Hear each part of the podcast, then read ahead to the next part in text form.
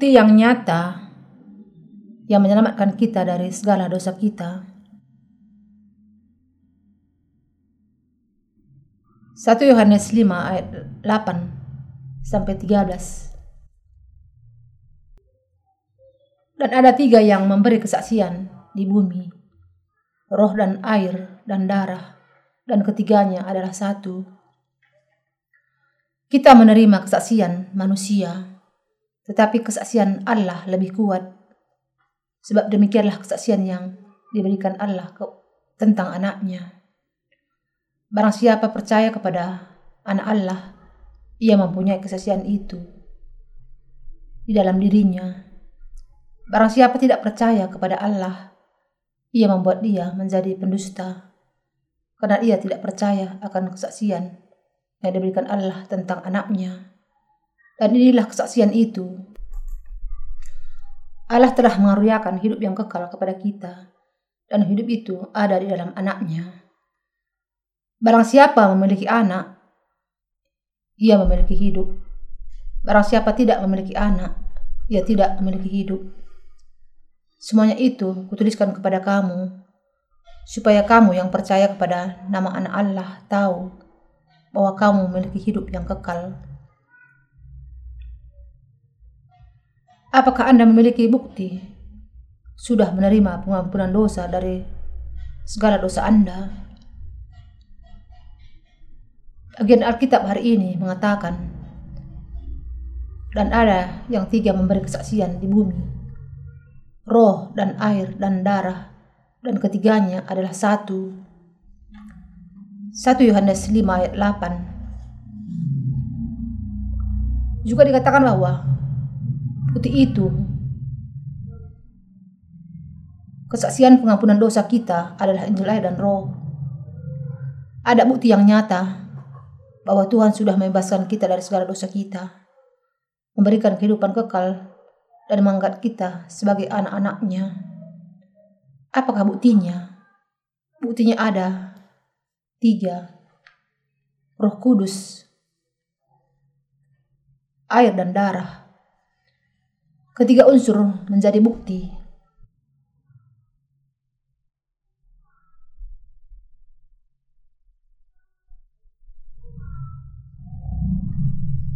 pembebasan kita akan segala dosa kita. Allah sudah membebaskan kita dari segala dosa kita dengan datang ke dunia ini dalam rupa manusia, menerima baptisan yang dengan itu menanggungkan segala dosa kita kepada Yesus dan membawa segala dosa itu ke kayu salib, di mana ia mencurahkan darahnya sampai mati dan bangkit kembali dari kematian Rasul Yohanes mengajarkan kepada kita kebenaran Injil dan Roh. Sebagaimana tertulis dalam firman Allah, air melambangkan baptisan Yesus yang diterimanya dari Yohanes Pembaptis, dan darah menggambarkan penghakiman yang diterimanya bagi segala dosa kita.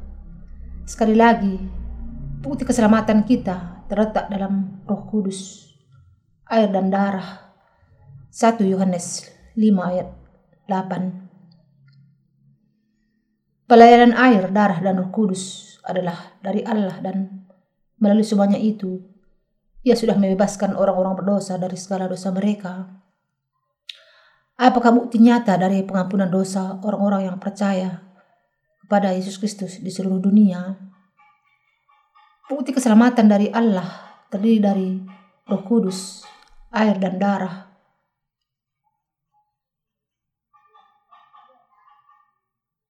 Roh Kudus menunjuk kepada Allah sendiri.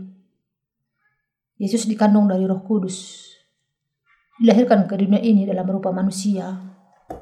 Bahwa ia menerima baptisan dan darahnya di kayu salib. Semuanya dilakukan melalui Roh Kudus. 1 Yohanes 5 ayat 9 mengatakan, kita menerima kesaksian manusia, tetapi kesaksian Allah lebih kuat Sebab demikianlah kesaksian yang diberikan Allah tentang anaknya. Apakah kesaksian Allah bagi kita? Itu adalah kesaksian Allah tentang anaknya. Allah Bapa mengutus anaknya ke dunia ini, membuat Yesus menerima baptisan yang menanggung segala dosa kepada dirinya dan membuat Yesus menanggung hukuman bagi segala dosa kita dengan dipakukan di kayu salib. Allah sudah memberikan kepada kita ke keselamatan yang benar melalui anaknya. Pengampunan dosa yang kita miliki ada di sini. Dan Allah sudah membebaskan kita dari segala dosa kita sepenuhnya dengan datang ke dunia ini, menerima baptisan, mati di kayu salib dan bangkit kembali dari kematian. Sekarang karena itu, apakah kita menerima pengampunan dosa di hadapan Allah atau tidak bergantung kepada penerimaan kita akan Injil dan roh. Bukti akan keselamatan kita ada dalam iman kepada Injil kebenaran dalam hati kita yang menegaskan bahwa Allah sudah memberikan pengampunan dosa kepada kita melalui anaknya dengan air dan darah. Rasul Yohanes menyaksikan akan kebenaran ini bahwa Yesus Kristus sudah memberikan pengampunan dosa kepada kita melalui air dan darah di seluruh pasal 5 dari surat 1 Yohanes.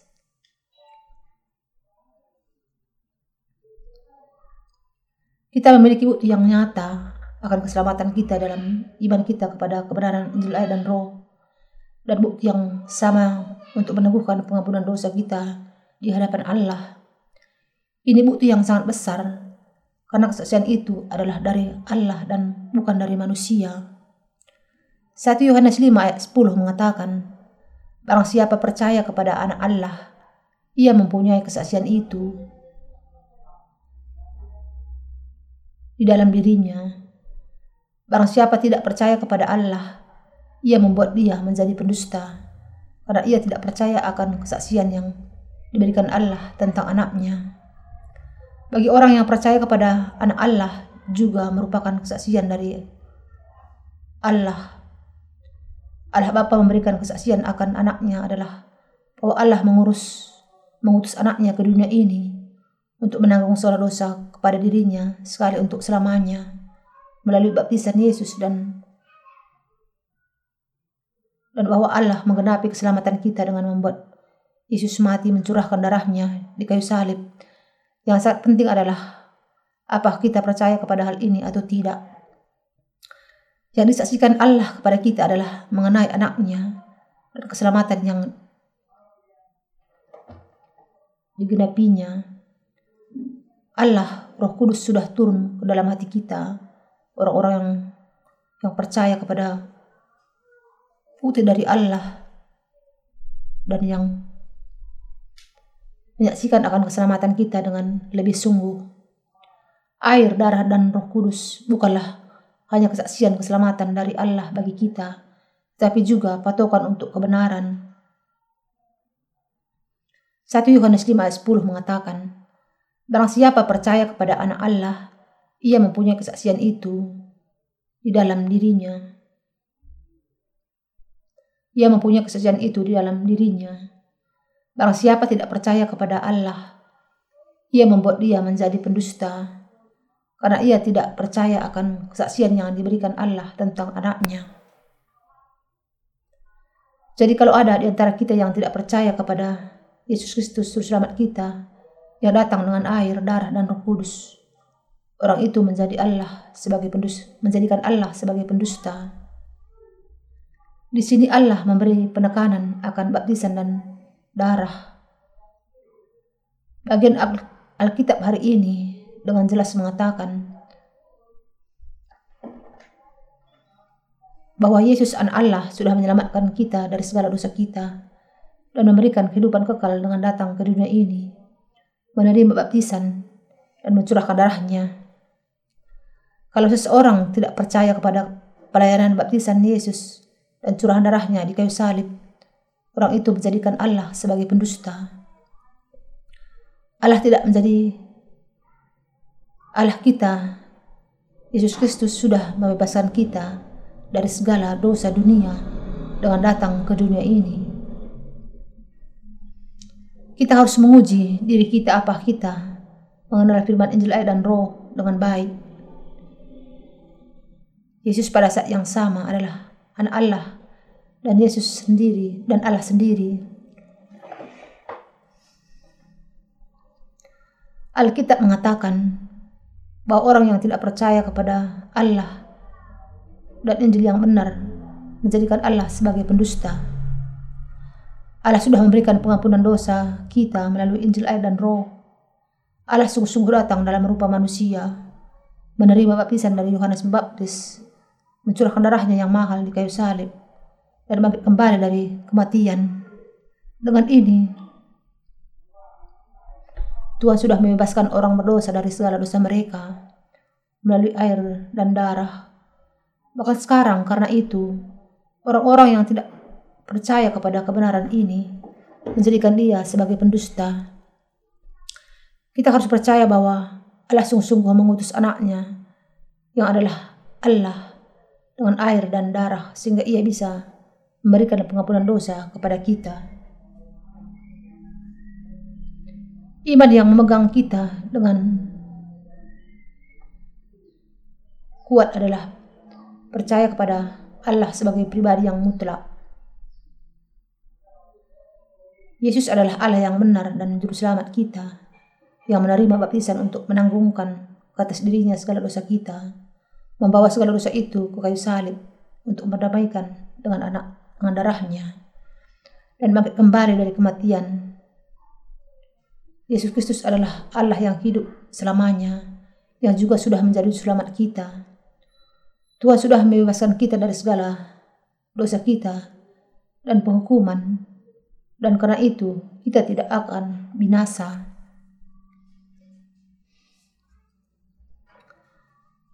Allah tetap hidup sampai saat ini, karena Allah memberikan pengampunan dosa kepada kita. Keselamatan kita tidak akan goyah Allah tidak pernah berubah dalam pengampunan dosa yang sudah diberikannya kepada kita. Tuhan kita adalah juru selamat yang membebaskan kita dari segala dosa kita. Iman kita lah yang bisa berubah. Karena itu, kita harus menguatkan iman kita dengan senantiasa merenungkan Injil yang benar ini. Iman yang mengakui Yesus sebagai Allah akan semakin menguatkan iman Anda sendiri. Seluruh Alkitab bersaksi bahwa Allah Bapa sudah menyelamatkan kita dari segala dosa kita dengan mengutus anaknya kepada kita. Yesus Kristus pada dasarnya adalah Allah, tapi datang ke dunia ini sebagai manusia untuk membebaskan umatnya dari segala dosa mereka, menerima baptisan dari Yohanes Pembaptis, mencurahkan darahnya di kayu salib, dan bangkit kembali dari kematian. Kita menerima pengampunan dosa yang benar dengan pelayanan Roh Kudus ketika kita percaya kepada kebenaran air dan darah yang adalah sempurna adalah seumpama seumpama batu penjuru dalam iman. Ketika kita menjadi percaya kepada firman Injil dan Roh, Roh Kudus berbicara dalam hati kita. Engkau benar. Imanmu itu benar.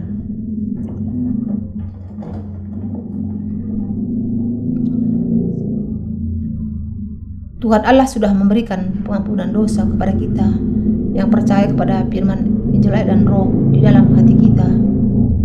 Ada bukti pengampunan dosa yang sudah digenapkan oleh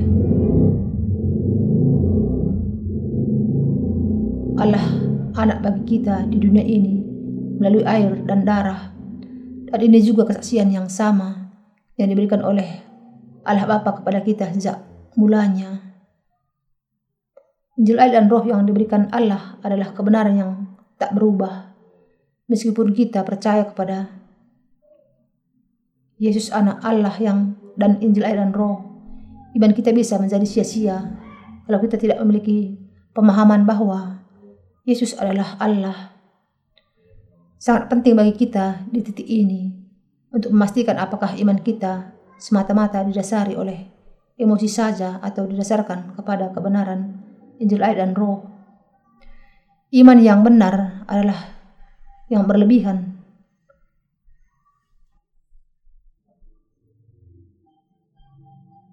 Yang terlebih dahulu memahami dan mengakui Injil air dan roh dan kemudian melakukan iman itu di dalam perbuatan.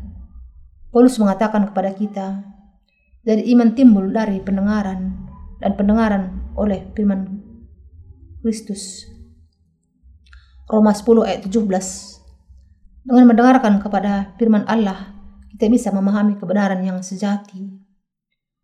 Yesus Kristus adalah Allah dan Juru Selamat kita yang sejati. 1 Yohanes 5 ayat 11 sampai 12 mengatakan, Dan inilah kesaksian itu, Allah telah mengaruniakan hidup yang kekal kepada kita, dan hidup itu ada di dalam anaknya. Barang siapa memiliki anak, ia memiliki hidup. Barang siapa tidak memiliki anak, ia tidak memiliki hidup. Apakah bukti yang nyata bahwa kita adalah bahwa kita sudah dibasuhkan dari segala dosa kita? Dengan kata lain, apakah bukti bahwa Allah adalah juru selamat kita yang sejati?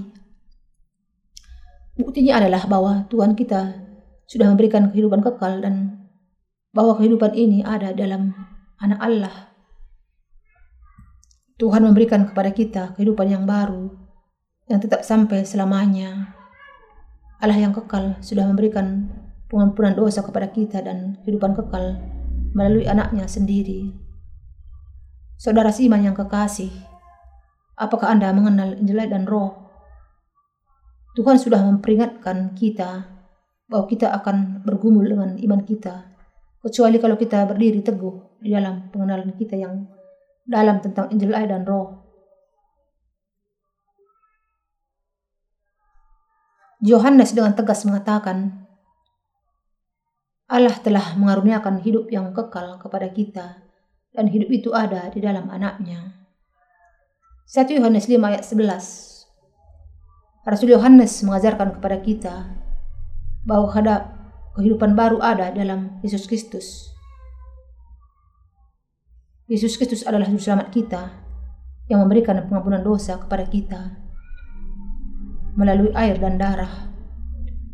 Orang-orang yang mengenal dan percaya bahwa Tuhan sudah memberikan pengampunan dosa akan menerima kehidupan kekal.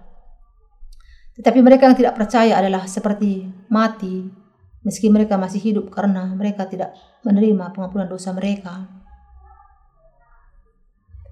1 Yohanes 5 ayat 20 mengatakan, Dia atau Yesus adalah Allah yang benar dan hidup yang kekal. Siapakah Yesus ini? Ia adalah Allah yang benar. Mari kita baca kembali 1 Yohanes 5 ayat 20. Akan tetapi kita tahu bahwa anak Allah telah datang dan telah mengaruniakan pengertian kepada kita, supaya kita mengenal yang benar, dan kita ada di dalam yang benar. Di dalam anaknya, Yesus Kristus, ia adalah Allah yang benar dan hidup yang kekal. Apakah yang dijelaskan anak Allah kepada kita yang hidup di dunia ini? Yesus terlebih dahulu mengajar akan kebenaran tentang siapakah Allah itu dan bagaimana kita menerima pengampunan dosa. Jadi di dalam Yesus Kristuslah kita menerima pengampunan dosa melalui kebenaran yang sejati. Yesus Kristus adalah Tuhan dan Juru Selamat kita yang membebaskan kita dari segala dosa kita dan ialah yang memberikan kehidupan baru kepada kita. Tuhan kita adalah segalanya bagi kita karena ia sudah menjadikan kita sebagai anak-anaknya. Manusia jangan hanya hidup menurut emosinya, tetapi dengan imannya kepada firman kebenaran.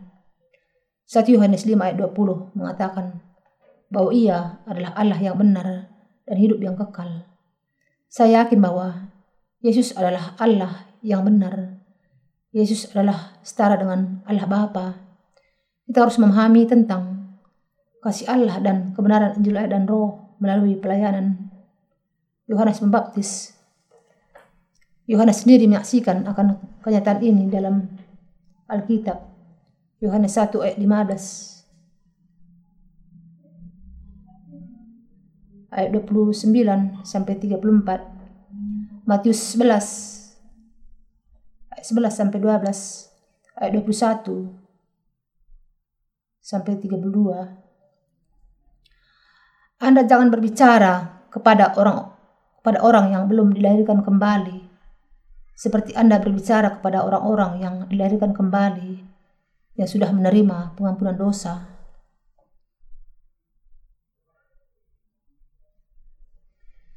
Jika kita mengaku dosa kita, maka Ia adalah setia dan adil, sehingga Ia akan mengampuni segala dosa kita dan mencucikan kita dari segala kejahatan. 1 Yohanes 1 ayat 9 sebagaimana yang digambarkan dalam bagian di atas.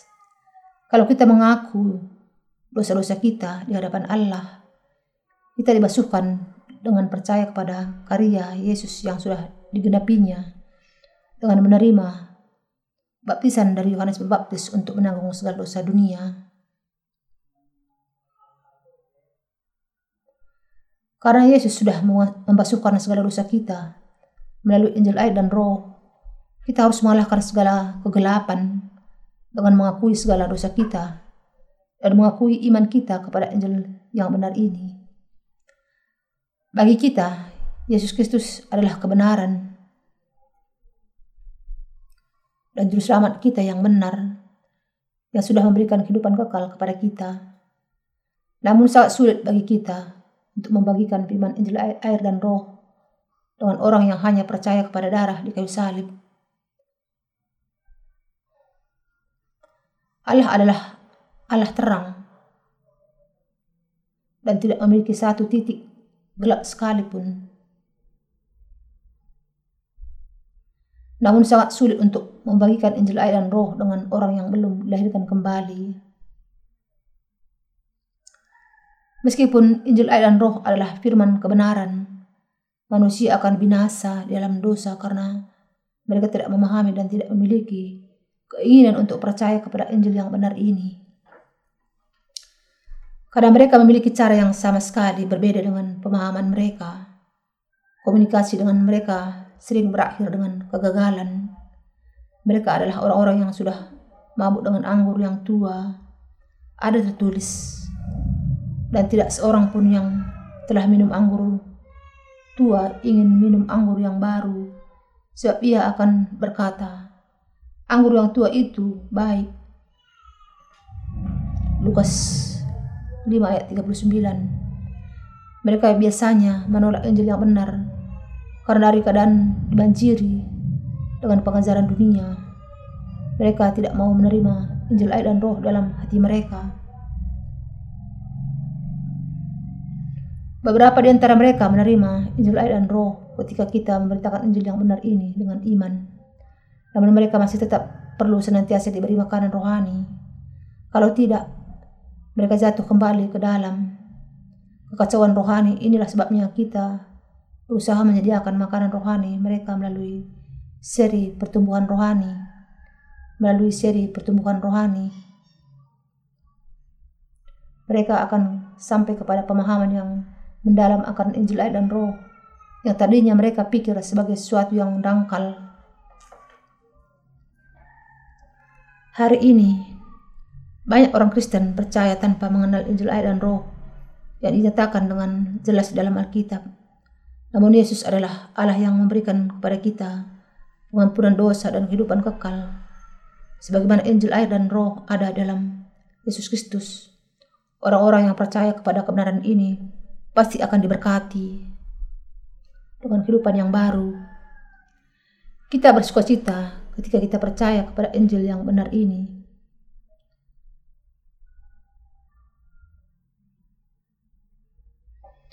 Saya senang bahwa saya menjadi bagian dalam gereja Allah.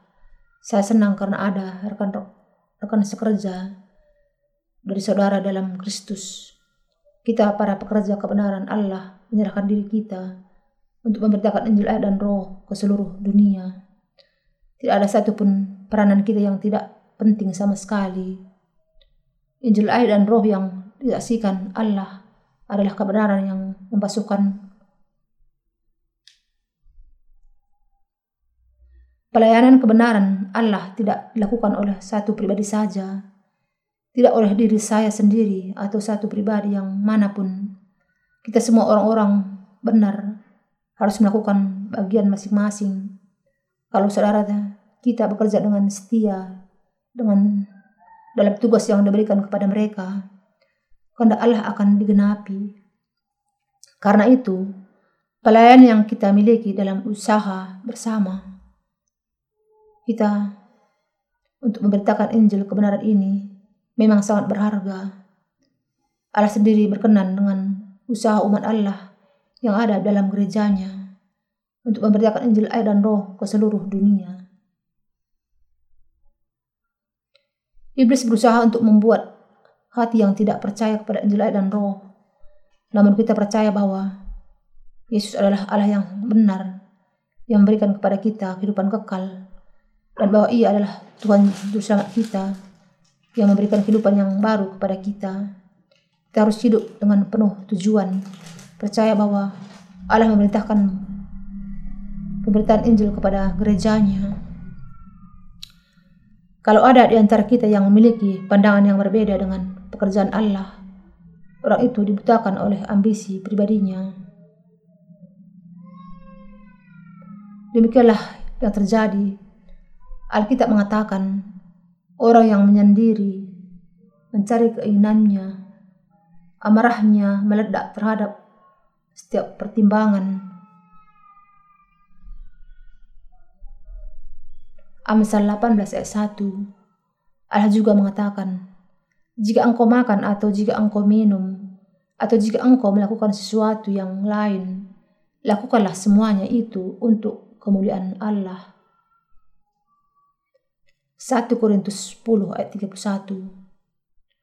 Allah memberikan kepada kita kuasa dan berkatnya ketika kita menghidupi kehidupan bagi kemuliaan Allah. Meski ada pengampunan dosa kita, kalau kita tidak mengikuti kehendak Allah, Allah juga tidak akan berpihak kepada kita. Allah berkenan dengan orang-orang yang meninggalkan keinginan pribadi mereka dan memberkati mereka. Kita terlebih dahulu harus percaya kepada Injil air dan roh yang sudah menghapuskan segala dosa kita sepenuhnya. Seseorang yang tidak percaya kepada Injil air dan roh tidak bisa mengalahkan dunia. Orang-orang yang bergumul untuk percaya bahwa Yesus adalah juru selamat meski mereka masuk ke dalam gereja Allah ada dalam keadaan demikian karena kurang memiliki pemahaman yang tepat dan iman kepada Yesus sebagai Allah. Jiwa orang-orang itu tidak bisa percaya kepada Injil air dan roh. Yesus Kristus adalah sang pencipta yang menciptakan semua makhluk di dunia ini. Yesus adalah Allah yang benar. Yesus Kristus, pencipta alam semesta dan Allah yang benar, sudah datang ke dunia ini dalam rupa manusia untuk sementara waktu untuk membebaskan orang-orang berdosa dari segala dosa mereka. Kemudian ia menerima baptisan, menanggung segala dosa dunia kepada dirinya, disalibkan di kayu, di salib, mencurahkan darahnya dan bangkit kembali dari kematian. Dalam semua pengenapan ini, Yesus Kristus menjadi Tuhan dan Juru Selamat kita. Ketika kita dengan penuh percaya kepada firman Injil dan Roh, semua pertanyaan yang lain menjadi jelas bagi kita. Sebelum saya dilahirkan kembali, firman dalam Alkitab terasa seperti teka-teki yang sangat sulit. Tidak mudah untuk menyusun semua bagian-bagiannya. Namun saya memiliki pengalaman menguraikan semua rahasia. Dalam Alkitab begitu saya percaya kepada Injil dan Roh.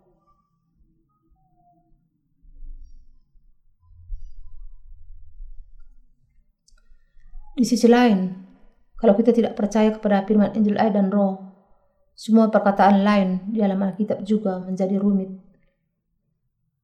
Demikianlah asalnya kebingungan bagi semua orang Kristen yang belum dilahirkan kembali. Kunci untuk menguraikan semua kekusutan ini adalah dalam kenyataan bahwa Yesus Kristus adalah Allah dan bahwa segala dosa kita sudah dihapuskan melalui Injil Air dan Roh. Dengan menerima kebenaran Injil Air dan Roh ke dalam hati kita, kita bisa memiliki bukti yang nyata akan keselamatan kita dalam firman Allah. Syukur kepada Allah. Yesus adalah Allah yang benar dan juru selamat kita yang kekal, yang memberikan kehidupan kekal kepada kita. Dengan mau dengan iman yang berharga ini, kita bisa mengalahkan iblis, kelemahan kita dan bahkan keinginan pribadi kita sendiri. Kita juga bisa berdiri di hadapan Allah tanpa rasa malu. Setelah dengan setia melayani Injil air dan roh ini sampai hari kematian kita. Rasul Paulus mengakui, engkau adalah Mesias, anak Allah yang hidup. Matius 16 ayat 16. Kata Kristus mengandung makna bahwa Yesus adalah Allah. Kristus Yesus, ia pada dasarnya adalah Allah dan di saat yang sama juga anak Allah. Lebih lagi, ia adalah juru selamat kita. Inilah pengakuan iman Petrus. Kita yang percaya kepada Injil air dan roh juga harus mengakui iman yang sama. Kemudian Yesus menjawab Petrus, Berbahagialah engkau, Simon bin Yunus, sebab bukan manusia yang menyatakan itu kepadamu, melainkan Bapakku yang di sorga. Matius 16 ayat 17 Seperti Petrus, kita juga bisa menemukan bukti pengampunan dosa kita di dalam kesaksian dari Allah, yaitu di dalam Injil air dan roh. Mari mengucap syukur kepada Yesus Kristus yang sudah membebaskan kita dari segala dosa kita.